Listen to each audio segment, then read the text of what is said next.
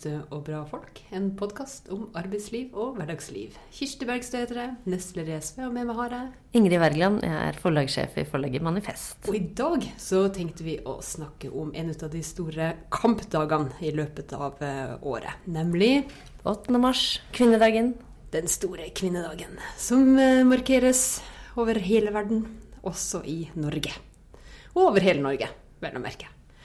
Og med oss i dag så har vi eh, Katrine Lind Kristiansen fra Kvinnefronten. Eh, Du sitter i arbeidsutvalget, eller ledelsen til, til Kvinnefronten. Velkommen til oss.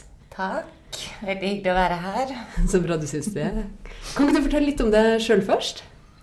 Eh, ja, ehm, ja, som du sa, så sitter jeg jo i ledelsen til eh, Kvinnefronten, som er en eh, partipolitisk uavhengig, radikal, feministisk kvinneorganisasjon. Det var jo veldig lang eh, introduksjon, egentlig. Men eh, ja, så vi har vært sittet i arbeidsutvalget nå i kanskje åtte, nei, seks år Ja. cirka. Tror jeg. Siden 2013. Hvor lenge er det? Ja, Det høres ut som seks år. eh, Ja, så det er en god stund, da, egentlig.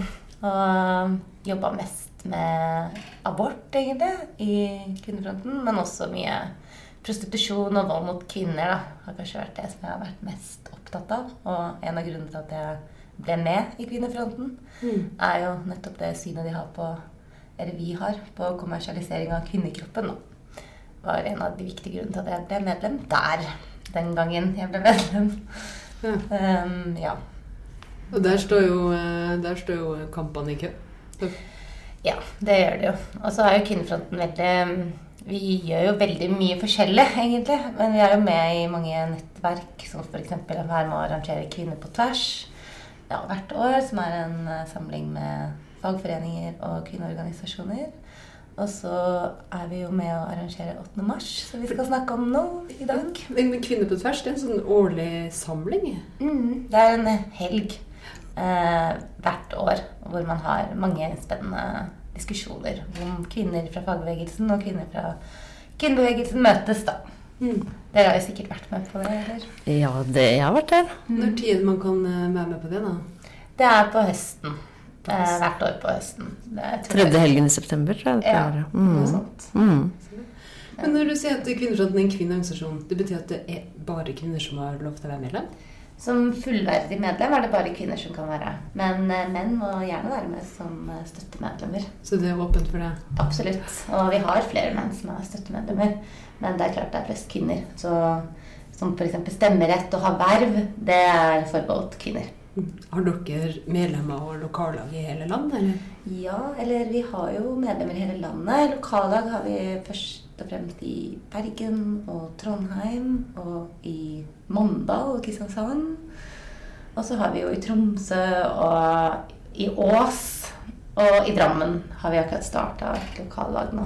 Ja. Så vi vokser i hvert fall. Får flere lokallag etter hvert, som er veldig bra. Jeg har jo merka en økning eh, og mer interesse for eh, Kvinnefronten, og det er sikkert andre kvinneorganisasjoner også, etter det egentlig vi fikk regjeringen vi fikk i Ja. 2013. Ja, med, også med KrF-utvidelsen var det en ekstra Med reservasjonsretten og den debatten i 2014, så tror jeg mange Da har i hvert fall 8. mars blitt veldig revitalisert. Mm. Eh, For før eh, det så var det jo de faste 1000 damene som gikk i tog. Men så bare eksploderte det omtrent i 2014, og hvert år siden da har det vært en mye større markering. For reservasjonsretten, for dem som ikke husker det, hva den handler om da? Jo, reservasjonsretten var jo noe KrF eh, ville ha igjennom da, for å være med å støtte en Frp-Høyre-regjering den gangen. Og da betyr det at eh, legene, fastlegene kan reservere seg mot å henvise til abort. For den gangen så skulle man ha en henvisning fra fastlegen for å kunne ta en abort. Og det skulle leger få lov til å slippe å gjøre da, hvis de var imot abort og nekte kvinner egentlig basic helsehjelp fordi det ikke ja, Pga. deres såkalte samvittighet. Da. Mm. Og det ble det jo utrolig mye motstand mot, noe som man kan Som var veldig bra at det ble. Og det ble sett på som et angrep på abortloven. Og det var det jo. Når kvinner ikke kan det er hvert fall med fastleger, for det er så få leger noen steder. I små steder i Norge er det ikke mange leger, og så da er det kanskje to leger, da. Og hvis en av de da har reservert seg, eller begge har reservert seg, hvem er det man skal henvende seg til? Og hva er det det sier? Hvordan føles det også for en kvinne som har en lege som ikke vil bistå henne i en sånn kanskje vanskelig situasjon, da, som hun kanskje opplever det sånn? Så det var en helt forferdelig usosial og kvinnefiendtlig politikk KrF ville ha gjennom, da. Men de fikk jo ikke det. Pga. massiv motstand. Og stor mobilisering. Veldig stor mobilisering. Mm. Og mange bra damer som fronta den saken og sto på. Jeg husker veldig godt uh, Susanne Carlusa var jo veldig sterk stemme i den debatten, f.eks. Men også kvinneorganisasjonen. Ja. Hva mer skal jeg si, liksom? jeg føler alle veit hva reservasjonsretten er, eller? Men de gjør kanskje ikke det. Det er ikke sikkert at alle Nei. vet liksom hva det handler om, for det er jo noen år siden kampen sto. Mm. Ja. Og så blir det ofte sånn med sånne begreper at, eh, at eh, de som snakker mye om det, er så innforstått med det også at man kanskje føler at dette er noe alle vet. Og da er det jo ekstra fint å få en sånn fin liten Wikipedia-oppsummering fra deg. Som både Det var jo liksom de to tinga KrF ville ha. Da var reservasjonsrett og KRLE, liksom. Det var det De ville ikke ha noe som koster penger, eller noe som hadde noe med ja, Kanskje litt mer sånn flyktninger og KrF mener jo mye bra om eh, det. Men det var de to tinga, da. Sånn skikkelig kjipe symbolsaker, egentlig. Som de absolutt skulle ha. da. Heldigvis har de fått gjort litt med barnetrygda, da. Det, det syns jeg er fint at de har fått. Ja, det er veldig bra. Det- det Men eh, den gangen var det jo ikke det som de fikk i forhandlingene. Det var bare sånn ja, symbolsaker, da. Som ikke koster noen penger. Ja, mine barn har lagt merke til det. Sånn, nå er den K-en tilbake. Den var borte, og så er den tilbake. Og det er liksom rart. Har du merka noe på undervisninga? Nei, det, det har jeg ikke inntrykk av at de opplever så mye. Det er jo bare at det skal stå K der, eh, hovedsakelig. Jeg vet ikke om det, det Nei, det virker ikke sånn. Det virker som det på en måte bare er At de, de ser en slags symbolsak, det, de òg. Det er sånn KrF går ut av regjering, K-en forsvinner. KrF går inn i regjering, K-en er tilbake. Mm. det er litt sånn, sånn global gag rule i USA. Når de bytter republikan demokrat, så Mm. Ja. signerer de Eller dårlig sammenligning. Det er mye verre den global gag rule enn en K, liksom. Jo, jo, nei, men det Men vi skal snakke litt om 8. mars i dag. Ja. Ja, det er jo, det er jo like Det er jo alltid, alltid mye å kjempe for, men det er jo like spennende hvert år. Hva, hva er de store parolene? Ja, Hva er de store sakene? Hvorfor syns du damer skal ta til gater og forsamlingshus 8. mars i år, Katrine? Nei, kvinnedagen er jo en kjempeviktig dag. Eh, Det er en dag hvor vi kan Kvinner bestemmer over hva vi skal fokusere på av politiske saker som angår oss. Og i år er jo hovedparolen 'fjern nemndene'. Altså abort er kvinnens valg, fjern eh, nemndene. Her i Oslo? Her i Oslo, ja. Og en del andre steder, tror jeg. Jeg er usikker på hvor mange andre steder som har den samme parolen, men i hvert fall i Oslo så er det hoved, hovedparolen, som det heter. Det er jo mange flere hovedparoler enn det. Men eh, jeg syns jo den saken er ekstremt viktig, og jeg syns det er veldig bra at vi nå, etter så mye angrep på abortloven som det har vært siden eh, KrF kom inn i regjering, og den veivalget de hadde den gangen, så er det veldig bra vi kan være litt mer på offensiven. At istedenfor hele tiden forsvare det vi har, og prøve å hindre tilbakeslag på en lov som har stått støtt i over 40 år, så kan vi begynne å tenke litt fremover. Hva er det vi vil? Hvordan kan vi gjøre den bedre? Og hva er det som er problematisk med loven vi har i dag? Og da er nemndene, mener vi i Kvinnefronten, og veldig mange andre tydeligvis, et kjempeproblem at vi fortsatt har det. Det tenker jeg at det, vi må videre, og vi må fjerne de abortnemndene.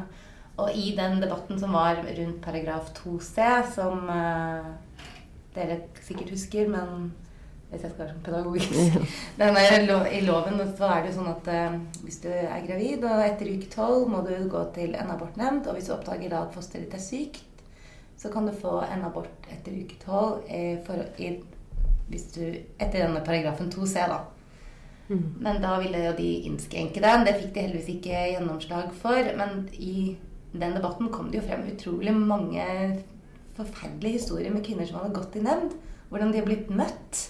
Og hvor stor makt en liten gruppe mennesker som bare ser den kvinnen en halvtime av hennes liv Hun ser dem aldri før hun møter dem i nemnd. Hun ser dem ikke etterpå, etter de har tatt valget. De kommer inn, er det en halvtime, og så er det ute av livet hennes igjen. Og så er det de som sitter og tar den avgjørelsen over hennes liv. Noe så utrolig viktig som hvor mange barn hun skal ha, når hun skal få barn. Det skal disse to-tre personene ta og bestemme for henne.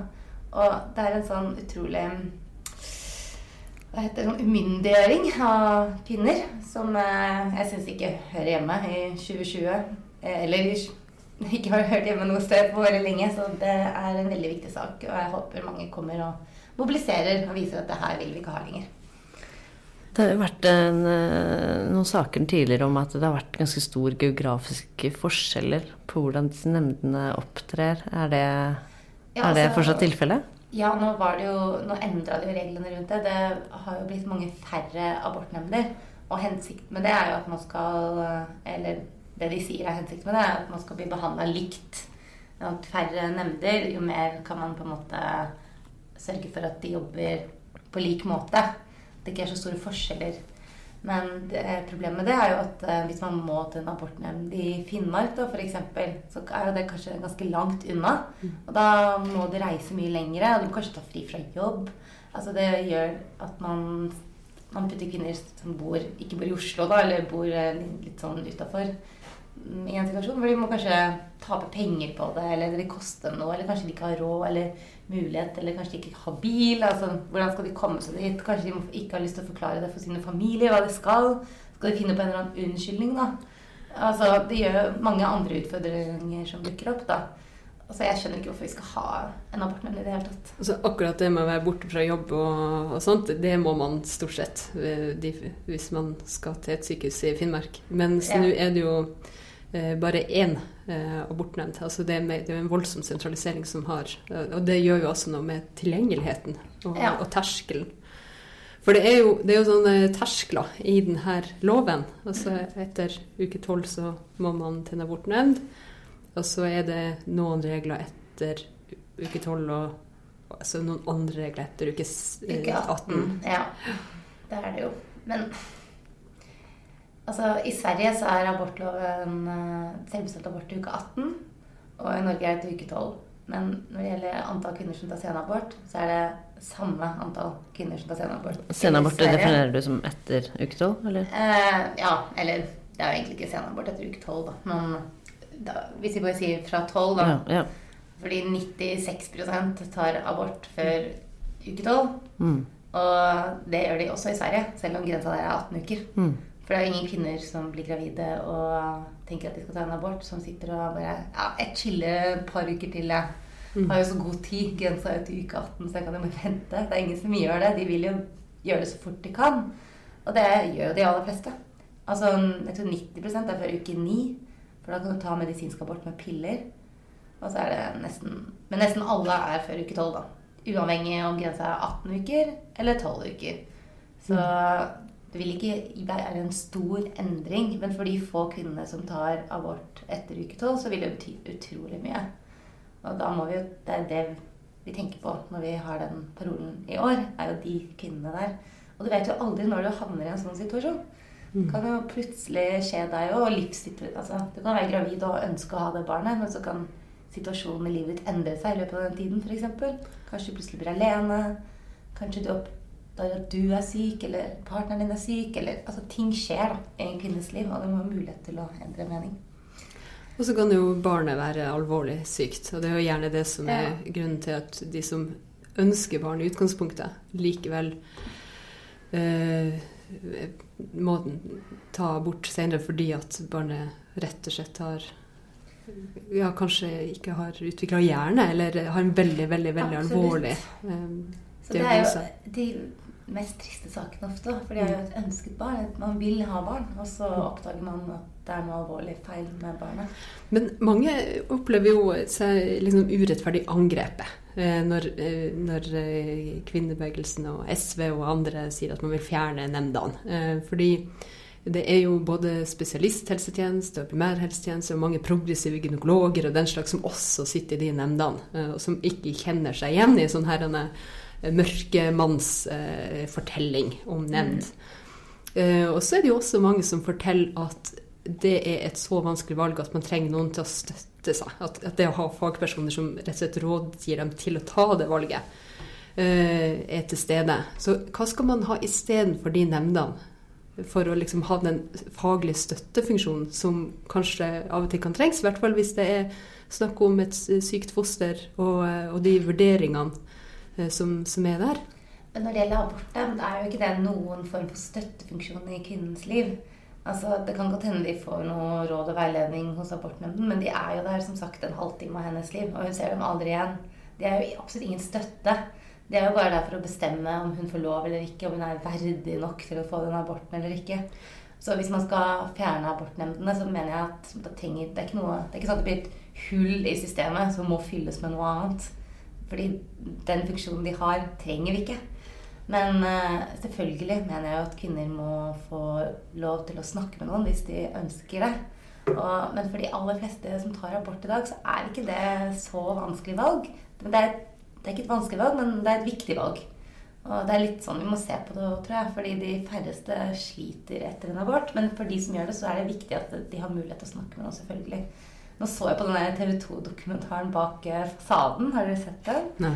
Om abort. Og da følger de en jente som skal ta medisinsk abort. Og hun blir jo spurt om hun eh, vil snakke med en sosionom, f.eks. Mm. Og det er jo veldig bra. Men jeg har aldri hørt om noen som har fått det tilbudet jeg, når jeg så det på en dokument, ble jeg veldig overraska, fordi jeg har aldri, jeg har aldri hørt at noen har fått det tilbudet, faktisk, på sykehuset. Så der har de kanskje en jobb å gjøre, da.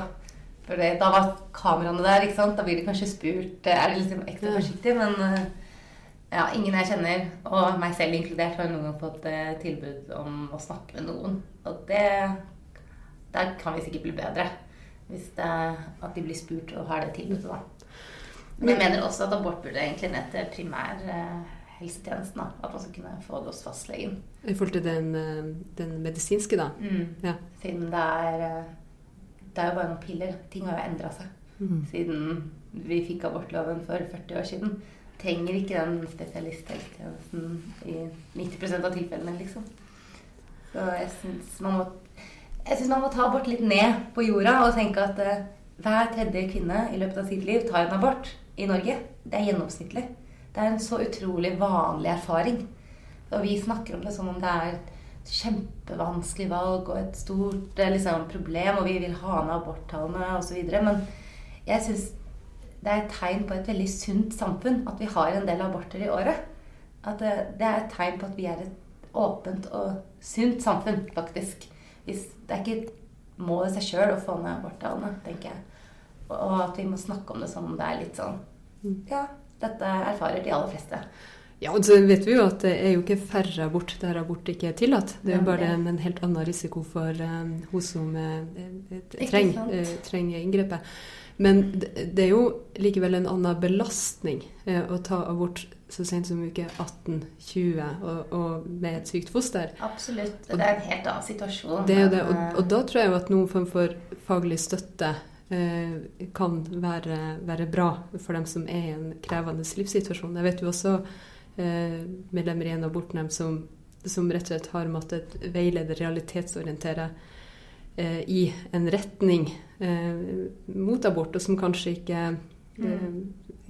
den, den, det gjaldt, ville vært klar for å ta på egen hånd. Så jeg tror at det er lurt å å ha, å ha, den samme kompetansen tilgjengelig, i hvert fall. At man ikke tenker at Eh, fordi jeg er helt enig i at det er ikke, det er ikke noen grunn til å problematisere, fordi at det blir mye sånn skyld og skam.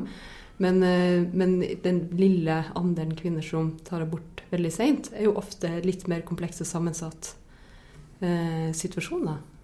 Ja, så det er jo litt sånn todelt. Det er de abortene som tas før uke tolv, hvor det er mm. ofte medisinsk abort, altså med piller hjemme og den type ting. Og det er de som vil ha barn, og så oppdager seint at det er noe alvorlig galt med fosteret, eller livssituasjonen mm. endrer seg, så de kan ikke få det barna likevel.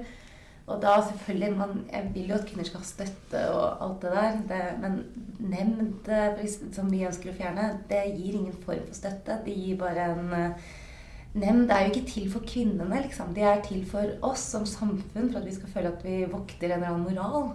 De er jo ikke der for å hjelpe eh, hun som står i situasjonen. Så og det, da må vi ha noe annet, som eh, noen som de kan snakke med, som er der, er der på kvinnens lag 100% og ikke for å vurdere om hun er ferdig eller ikke. så den som skal ta beslutninger, som er liksom problemet. Ja, det er det som er problemet. Og de færreste får jo avslag. Men de må allikevel gjennom prosessen. Og man hører jo om kvinner som kanskje sier at eh, å, man må kanskje smøre litt tjukt på da, hvor forferdelig jeg har det. Og? De må på en måte gjøre, late som det er verre for dem enn det det er. Eller si Altså Men det burde ikke være nødvendig å gjøre det. Nei, men jeg syns, også det, det Sånn som det fremstår nå, så fremstår det jo som en sånn rettssak, nærmest, da, hvor du liksom må tale din, din sak osv. Mm. Uh, men, uh, men når man da har uh, Ja, at man, at man blir ivaretatt av medisinsk personell, psykolog eller hva det måtte være, når man skal gjennom en senabort, det må jo, det må jo være en, en opplagt sak, tenker jeg da. Selvfølgelig. Ja. Ja. Men hvilke andre saker er det da som eh, bør mobiliseres eh, til eh, 8. mars i år? Nei, hva er det? Ja, Samtykkelov er jo alltid en viktig sak for oss, i hvert fall, i kvinnefronten. Og dette med flere Si, si litt om hva, si, si hva det er. Ja, samtykkelov. At vi ønsker, I voldtektsloven vår så står det ingenting om at man må ha samtykke, da. Aktiv samtykke. Ja, Det er jo veldig komplisert, da. Det er sånn Jo mer jeg lærer om denne voldtektsparagrafen, jo vanskeligere syns jeg det er. Ja. Fordi, men det handler jo om at vi ønsker en lov som de har fått i Sverige. Hvor det står eh, eksplisitt eh, at eh, det skal være frivillighet. Det står faktisk ikke samtykke i samtykkeloven i Sverige. Det står bare frivillighet. Men eh, det er i hvert fall Det er ikke så komplisert, da. Ja, For eksempel, ja, Den du ligger er med, skal ønske deg. hvis man sover, så er det jo veldig vanskelig å uttrykke en eh, frivill, fri vilje til eh, seksuelle handlinger. Ja. Jeg tror med en samtykkelov så hadde vi hatt mange av de sakene som har dukket opp i media f.eks. Da hadde det vært ganske tydelig at de hadde blitt dømt om vi hadde hatt en annen En annen i formulering. loven og en Mm. annen formulering, så en annen praksis. Mm. Fordi det legger liksom ansvaret litt mer på den som er um, som er voldtatt, da. At de må på en måte bevise at de har innhentet samtykke. Mm. Men nå må kvinnen bevise at eh, hun sa nei, eller gjorde motstand, eller Mm. Ja. Og det er veldig vanskelig å bevise. Og selv om hun sa Sånn som den ene saken som jeg leste i fjor vel, Jeg leste en dom på en sak hvor det var tre menn som hadde voldtatt en kvinne. Og da kunne, ble ikke de dømt fordi at hun kunne ikke bevise at hun hadde sagt nei. Hun var kanskje med på det først. Eller hun sovna eller ble bevisstløs. Og så fortsatte de å ha sex med henne etter at hun var bevisstløs. Men hun kunne ikke bevise at hun sa nei før hun ble bevisstløs. Og de var bilder av henne hvor hun var tydelig ikke til stede. I bevisstløs tilstand. Ja, og, Men fordi hun kanskje hadde samtykket til det før hun ble bevisstløs, så, så hva sier det til jenter da? At hvis du sovner, så kan plutselig noen bare gjøre hva de vil med kroppen din. Fordi Selv om du sa ja før. Men jeg tenker samtykke må jo være aktivt. Det må Mm. aktivt skje. Hvis situasjonen endrer seg, så Og under er jo hele handlinga. nettopp så Og så høres jo innhente samtykke høres jo litt sånn der byråkratisk ut. Altså, det, det, det holder vel med sånn et nikk og et smil og 'ja, det er greit', liksom. Det, Altså, er du i tvil, Sånn, bare dropp det, liksom. Hvis Ja. du er i tvil. Jeg mener, man blir litt sånn oppgitt over at «Å, det er så vanskelig. Men det hva med å ha sånn, ha sånn eh, avkrysningsskjema? Sånn tre-fire rubrikker. En app. Det er sånn, jo, en app, ja. Er du, er du glad? Eller er du, er du glad? Er du trygg? Er du kåt? Vil du? Ja. Hvis alt det her er til stede, så kan vi fomle oss frem. Nei, men, eh, men nei, altså det er jo et kjempeproblem, fordi at det å voldta noen er jo noe av det minst risikable man kan gjøre av kriminelle handlinger i dette landet. Absolutt. Det er en straffefri handling omtrent. Mm. Og når så få saker går til i rettssystemet, 80% eller hva det er, blir henlagt. Mm. Altså veldig få kommer opp, da. Mm. Og de blir jo som regel anka, og det er jo en kjempeslitsom prosess. Altså hele systemet er jo lagd for å bare slite ut offeret, omtrent. Mm. Altså det, det Helt, altså, Å anmelde noe for voldtekt er en kjempebelastning, kan være en veldig stor belastning for Mm. den som anmelder. Og det varer jo så lenge, og det har lang saksbehandlingstid, og Ja, det er, eh, det er liksom Hvis man tenker på hva har vært det beste for offeret i en sånn situasjon, så er det Ja. sånn det motsatte av hva som har vært best for hun er hele det derre voldtekts... Mm. Ja. Det, så vi vil jo ha en samtykkelov for å gjøre det i hvert fall litt bedre. Og kanskje vi får noen flere dommer, og kanskje vi også er med å endre en eh, kultur. Og vi kan snakke om samtykkekultur. Og når vi går rundt og forteller eh, barn og unge at eh, ja betyr ja, så vil vi jo gjerne at det også skal være sant i loven. At ikke det er Vi lærer dem noe annet enn det som faktisk eh, er skrevet, da. Og så En annen viktig sak for oss er jo selvfølgelig sexkjøpsloven. Ja. En evig kamp, føler jeg. Men nå er det jo Vi har jo vært veldig inspirert nå i det siste av den franske modellen. Fortell om den. Jo, En fransk modell. det, den, Vi kaller jo den nordiske modellen kaller vi jo sexkjøpsloven her. Ja. Etter inspirasjon fra Sverige Ja, først. Så siden Sverige fikk det sexkjøpsloven i 1999, så fikk vi den i 2009. Og nå har Frankrike fått en i 2018. Eller er det 2017? Jeg husker ikke. Men de har jo en mye bedre lov enn oss. Og vi burde egentlig bare ta den. Hva er det som er så bra med denne? fordi de har i tillegg til at eh, det er forbudt å kjøpe sex eh, Men ja, sexkjøpsloven er jo at eh, det er forbudt å kjøpe, men det er ikke forbudt å selge. Så det er en veldig bra lov med et maktperspektiv, hvor de som selger, er jo i utsatt posisjon og skal ikke bli straffa eller få noe rulleblad, og livet skal ikke bli vanskelig for dem. Men de som kjøper og utnytter kvinner i en eh, kjip situasjon, de skal bli straffa. Men vi har ingenting i vår lov om f.eks. rett til oppholdstillatelse, rett til eh, å ha et sted å bo, eller ha Hvis du er, har en uklar eh, asylstatus, eller du er papirløs, eller noe sånt. Det står ingenting om det. Det går jo i utlendingsloven. Og de stanger jo ofte opp mot hverandre. Veldig. Og, mens den franske sexkjøpsloven har jo da um, med det at hvis du at de ofrene, eller de kvinnene i prostitusjon, skal få opphold. Og det syns jeg er helt fantastisk. Og det, burde jo, og det står også mye om hjelpetilbud og hva de har krav på hvis de er eh, identifisert da, som et offer i prostitusjon eller menneskehandel. Det står i sexkjøpsloven deres. Og de har også hatt flere kampanjer eh, om på T-baner og sånne ting mot, eh, for å endre liksom, holdninger og kultur. Og det har jo ikke vi hatt. Vi har hatt loven i ti år. Jeg kan aldri huske å ha sett noen holdningskampanje, f.eks. Nei, det har mangla. Og disse kvinnene som blir identifisert som ofre for menneskehandel, ikke prostitusjon, da, de kaller jo bare menneskehandel her i Norge, de får seks måneders refleksjonstid. Og det er ingenting. Seks måneder er ingenting. Og da skal de anmelde bakmenn, noe som er livsfarlig for dem og for deres familie i hjemlandet sitt. Og hvis de, de da kommer med nok informasjon sånn at det blir en sak, så får de bli så lenge saken varer. Så de Ja. Det er en skikkelig forferdelig situasjon å putte disse damene i. De risikerer livet sitt, liksom. Og så skal de få seks måneders refleksjon. Og hvis saken ikke blir noe av, så blir de bare sendt hjem til hjemlandet. Vet du hvor mange som har fått opphold i Frankrike etter den nye loven? Det vet jeg faktisk ikke. Det må jeg sjekke. Det, men jeg, det er ikke helt sikker på. Men eh, det hadde vært interessant å se da, om den funker. Men de har i hvert fall straffa mange menn.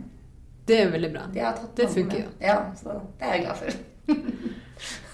Men jeg tenker det hadde vært veldig kult om vi kunne fått til Kanskje SV er interessert i å diskutere det med oss. Vi er alltid interessert i å forbedre sexkjøpsloven, og, og særlig at den, at den skal virke. Både håndheves ute i eh, det ganske land, eh, at det skal være holdningskampanje, og at den skal virke. Og det er jo særlig Mm. de, de som i dag ikke våger å gjøre noen ting som helst pga. at man blir kasta ut og ender Mm. opp i en eh, veldig farlig situasjon som, eh, som vi, tenk, vi må tenke på da. Mm. Men det er en parolig til som jeg har sett, eh, som jeg ikke husker nøyaktig ordlyden, ordlyden på, men det handler om eh, metoo. Ja, hva er ordlyden på den igjen? Det husker ikke jeg. Nei, Metoo fortsatt kamp mot seksuell trakassering, eller noe? Ja, Noe sånt? ja. det Mm. hørtes ut som en viktig Mm, det er veldig viktig parole. Absolutt. For det det er jo jo- veldig Det har jo vært så mye backlash, føler jeg, på metoo, egentlig. Ja, hvordan da? Nei, at eh, det var en sånn innmari stort momentum, og ting endra seg. Jeg var jo med i det um, ene oppropet i fagbevegelsen. Mm. Ikke til forhandling. Sammen med Ane Stø og Sara Bell og Stina Bergsten og flere andre. Bra damer. Veldig bra damer, Ja. absolutt. Og da har det jo endra seg litt. Det har jo kommet mer nye retningslinjer i flere av forbundene, og det har jo blitt eh, det er diskutert, og Noen har kanskje mista jobben, til og med. Og, altså, det har skjedd litt uh, ting, da. Men jeg opplever også at de som sto frem da, av de kvinnene som sto frem, i hvert fall som jeg har hatt kontakt med, de opplevde at de fikk mye støtte når de sto frem og fortalte til sin leder f.eks. at de har opplevd eh, et eller annet. Når det sto på. Og så i ettertid så har det ikke skjedd noen ting. Det er ikke sånn når oppmerksomheten ble litt borte, så går liksom ting tilbake. Og så ble de lovet hjelp, og de følte kanskje den der styrken av den bevegelsen og sånn. Og så går man liksom tilbake til hverdagen igjen, og så skjer, har det ikke skjedd noen ting for dem. Og det syns jeg er veldig trist. Flomlyset av, mørket tilbake. Hva sa du? Flomlyset av og mørket tilbake. Ja, litt. Det må vi aldri la skje. Men det er jo veldig fort at det blir sånn. Og det er jo derfor det er veldig bra at vi har 8. mars. Og kan skru på flomlyset igjen og Ja. holde saka, saka varm og kampen oppe. Ja, altså, de må jo bare fortsette å snakke i hjel om, om, liksom. Men uh, jeg tror uh, Ja, metoo har vært eh, utrolig jeg, altså, jeg hadde aldri trodd det skulle bli så stort. Jeg husker det begynte, folk begynte å skrive metoo overalt. Og jeg bare åh, jeg orker ikke ennå en sånn kampanje som det ikke blir noen dritt ut av. altså, bare Der tok jeg så jævlig feil. Det Er ikke det deilig når du tar feil, og så blir det bra? Ikke ennå en sånn. Men en, eh, en eh, viktig varsler i, MeToo, i en stor metoo-sak var jo eh, hun Sunniva Andreassen i, i Giske-saken. Som var hun Nå er hun ikke 18 år lenger, men hun var eh, 18 år da hun eh, opplevde Giske på nært hold. Da. Og en av disse varslerne som har vært veldig sentrale. Um, og hun skal jo være hovedappellant i, i Trondheim. Eh, og, og det, Det det, er veldig kult, da. det jeg har sett når, eh, i liksom disse nyhetssakene som har vært om det, så er det jo disse kommentarfeltene under når dette deles på sånn Oi, sånn. NRK Trøndelag og hva det nå var for noe. Altså, det er så mye dritt, altså. Ja. Det er så nedslående å se hvordan folk snakker om andre mennesker. Jeg var helt eh, Man mister litt trua på folk når man leser sånne kommentarfelt. ass. I hvert fall på har mista trua på kommentarfeltene, i hvert fall. Ja. Ja, det, ja, altså, det, er, bra- det er bra folk innimellom, ikke sant? Er det, men, men det er også utrolig utrolig stygt. Og da tenker jeg at det, er, det krever så enormt mot. da. En ting er å, å stå fram i det hele tatt, men, men og ikke, og ikke bare første gang, men, men å fortsette etter å få så mye. Du må få ganske hard hud, da. Mm. ja, virkelig. Og jeg syns det var, det var eh, de som anmeldte Det er jo USA, da, med de som anmeldte Bill Cosby og sånn. Ja. Altså alle de damene da, som var, eh, som var ukjente for folk flest. Jeg tror det var han Trevor Noah eller noe sånt som sa bare For de har fått mye kritikk for at de er ute etter oppmerksomhet og skal bli, tjene penger på det her. Og det er jo bare tull. De skal jo selvfølgelig ikke det. Så spurte han liksom Er det noen her som kan si navnet til én eneste en av de damene? Og ingen visste hva noen av de het. Så Det der med å få den Det er ikke derfor man varsler. De varsler jo fordi de ønsker jo å hindre at flere skal bli utsatt for det samme. Mm. Og det er utrolig modig, liksom. Som hun Sunniva er jeg er veldig imponert over henne. Og måten hun har også svart Stått i debatten. av avisene. Så veldig sånn rolig og klok eh, og dyktig, liksom. Og jeg vet ikke om jeg hadde klart det samme. Så Jeg tror jeg hadde bare blitt så utrolig sint. Mm. Men hun har vært veldig sånn ja, imponerende. Rakrygga og sterk. Veldig. Mm. Så jeg skulle gjerne hørt appellen hennes i Trondheim. Men det kan du ikke, for du skal jo eh, holde tale sjøl. Ja, Ja. Det skal jeg. Ja. Så det blir veldig gøy. Er, fortell om det. Du skal holde selveste talen på Youngstorget, skal du? Ja, hovedappell på Youngstorget om abortnemnd og den hovedparolen der. Så det kommer til å være ditt viktigste budskap? i... Ja, det er det jeg har fått beskjed om å snakke om. Så det blir veldig spennende. Og jeg vet faktisk ikke hvem andre som skal Jeg vet bare om én til som skal holde appell. Jeg vet ikke hvem de andre er. Men det er Lina Alvarez Reyes som skal snakke om kvinner i Latin-Amerika. Ja. Så det tror jeg blir veldig spennende. Om eh, femicida og kvinnedrap. Mm. Som det har vært en enorm bevegelse der òg. Med de grønne skjerfene som dere kanskje har sett. Fortell litt mer om det. Eh, Jeg kan ikke så mye om det som Lina, selvfølgelig. Men eh, det har jo vært utrolig mange demonstrasjoner rundt omkring i mange land i Latin-Amerika. Colombia, Argentina og sånn spesielt, kanskje. Og Brasil.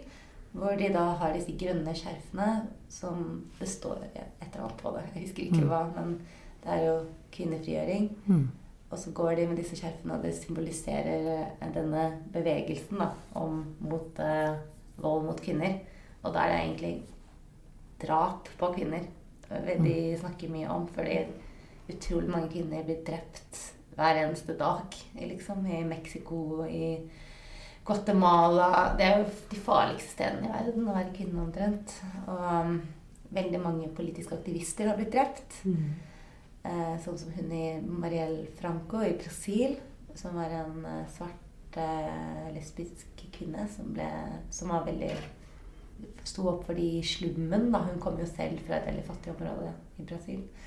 Og hun ble jo da drept. Det er, så det er farlig for kvinneaktivister å være synlige på en helt annen måte. Og det er noe av det hun skal snakke om, da. Og løfte mange av de kvinnene som har blitt drept for sin politiske aktivisme. Mm. For det er jo en dag for internasjonal kvinnekamp. Absolutt. Så jeg er veldig glad de har eh, valgt å sette fokus på det i år. Mm. Fordi man vil jo gjerne sette fokus på veldig mange saker som skjer rundt omkring i hele verden, men jeg tror det er lurt å spisse seg inn på et område, sånn at man kan virkelig ta tak i noe, den konkrete situasjonen et sted. da. Ja, og vise til bevegelser som, eh, som trenger støtte fra resten av verden. Mm. Hva skal du på 8. mars, da, Ingrid? Jeg skal gå i toget i Oslo. I Oslo? Og, og så skal jeg på Ladyfest, som er et uh, feministisk eh, arrangement på kvelden. Er det fest? Det er en fest, og der skal det være et par av uh, Forlag Manifest sine forfattere som skal eh, fortelle om eh, boka P-pillen som vi kommer med. Ja, den er reklame. Ja, den er veldig kul. Så det er Marte Stubre Eilsen som har skrevet P-pillens historie, for P-pillen er 60 år i år. Eh, og så, det, så skal Ellen Engelstad, forfatteren av Rosa Luxemburg-biografien, også holde en liten presentasjon. Så flott. Og så blir det fest, da, vet du. Det Så det blir jo kjempebra. Og du da, Kirsti? Du, jeg skal snakke hjemme. Hjemme i Nesseby så skal jeg holde tale. Og det gleder jeg meg veldig Så til. bra. Ja, jeg tror jeg ikke har snakka holdt tale hjemme i Nesseby på seks år. Så det, det gleder jeg meg veldig til. Det er kult. Og så blir det garantert et, eh, et arrangement i nærheten av eh, der du som hører på bor eller befinner deg. Så det er bare å følge med, eh, fordi kvinnedagen den må feires over hele landet. Men Katrine, det kan jo hende at noen har hørt på nå og tenkt sånn "Nei, Kvinnefronten, der skulle jeg kanskje vært med. Hvordan, Ja. eh, hvordan blir man medlem der? Da bare går man på kvinnefronten.no og trykker på 'bli medlem', og så skriver man inn navn og nummer, og så melder man seg inn. Hmm. Rett og slett. Det er viktig å være med i, i kvinneorganisasjonene. Da er det jo Kvinnefronten og Ottar ofte som eh, er de, eh, Mm. de rene kvinneorganisasjonene. Ja, det er jo oss og Ottar, som sagt, og Kvinnesaksforeningen, Ja. egentlig. Mm. Det er jo de tre som er de store kvinneorganisasjonene som jeg tenker på som den organiserte kvinnebevegelsen. Da. Ja. I tillegg til fagbevegelsen, som alltid er god på å på liksom sette kvinnekamp og klassekamp i, i sammenheng. Og det er jo Absolutt. også veldig viktig at den økonomiske frigjøringa Mm. eh, er med i Mm. kampen. For den er jo slettes ikke vunnet med både pensjon og lavtlønn og Nei, jeg mener jo veldig mye om det også, selvfølgelig. Nå har jeg ikke snakket noe om det, men eh, vi har jo mye politikk på sekstimersdagen og pensjon Mm. og arbeidsliv generelt. Mm. Så det er også utrolig viktig. Apropos arbeidsliv, så har vi et eh, fast eh, spørsmål som vi stiller alle våre gjester. Det er hva din første jobb var. Ja, det tror jeg må ha vært når jeg gikk med VG på søndager. Da var jeg 13 år sikkert. Veldig, eller 30, ja, jeg var 13 år. Det var en helt forferdelig jobb, husker jeg. Fordi du tjente så utrolig dårlig. Og så måtte jeg gå, uansett hva dårlig vær det var, eller om jeg hadde mensen eller følte meg dårlig, så måtte jeg liksom gå ut med den avisa. Og så på hver avis jeg solgte, så fikk jeg liksom 2 kroner og 50 øre av den avisa. Det. Det var så dårlig betalt. For da gikk du rundt og solgte, eller sånn Jeg ringte på døra og så spurte om du ville kjøpe VG. Så da skulle folk ha noen kroner i For da hadde jo folk cash kontant, så fikk du det. Og Ja, det var den. Da hadde folk kontanter. De hadde det, da. Ja. Det var jo Før i tida. Ja, det var, det var lenge siden. Jeg er jo 32 år gammel nå, så det er jo en stund siden. Men, eh, Men, eh, ja, men var det lett å selge, da? Selv om du tjente lite? Var det, pleide jeg folk følte mange kjøpte sånn sympati der jeg sto og Ja. Jeg kom frøs med i når jeg skulle selge den avisa. Så var sånn ok, da stakkars, liksom. Men eh, er du, er- var dette i Oslo, eller? Nei, det var i Drammen. Ja. Var det et villastrøk eller blokk? For det tar jo litt lengre tid å gå Det mellom var, hus. det var sånn villastrøk. Det tar litt tid å gå fra hus til hus. Ja, Men det ble penger der, da. Det ble penger. Det er penger Det har vært lettere i en blokk, tror jeg. Og men det var, uff, det var ikke så gøy. Men jeg husker Jeg holdt ikke på med det så veldig lenge. Men så jobba jeg etter det så jobbet jeg i frisørsalong. Og det var vaska håndklær og feide opp hår. Og så elendig betalt, ass. Det var 50 kroner i timen. Og det er det jo til og med om man har fagbrev. Ja, Sånn eh, strengt tatt. Frisørene ligger jo ganske lavt. Mm. Mm. ja, ikke sant? Og det er en hard jobb, ass. Men nå jobber du jo eh, med kvinnesak på heltid. Vi må bare nevne det. Ja, nå Ja. jobber jeg i Norske Kvinners Sanitetsforening. Ja. Som er en veldig stor kvinneorganisasjon. Og veldig bra. Vi jobber mye med kvinnehelse, Mm. blant annet. Og vold mot kvinner og Vi har masse. Men eh, det er en ja, stor, gammel, tradisjonsrik organisasjon. Så nå må dere kjøpe fastelavnsris, kan jeg jo si da. For der går pengene til kvinnehelseforskning. Nettopp. Som er veldig bra. Sånn snakker en feminist på heltid. Ut og kjøpe fastelavnsris, folkens. Vi vil støtte kvinnehelseforskningen. Det er bra. det er bra. Du, tusen takk for at eh, du eh, var gjest hos oss. Det var veldig hyggelig. Veldig hyggelig. Takk for at jeg fikk komme. Så da sier vi bare tusen takk til deg som hørte på. Eh, Vi håper du likte sendinga. Eh, Hvis du gjorde det, så for all del del den med alle du kjenner. Eh, Og så håper vi at du får en fortreffelig dag og en god 8. mars. Bye.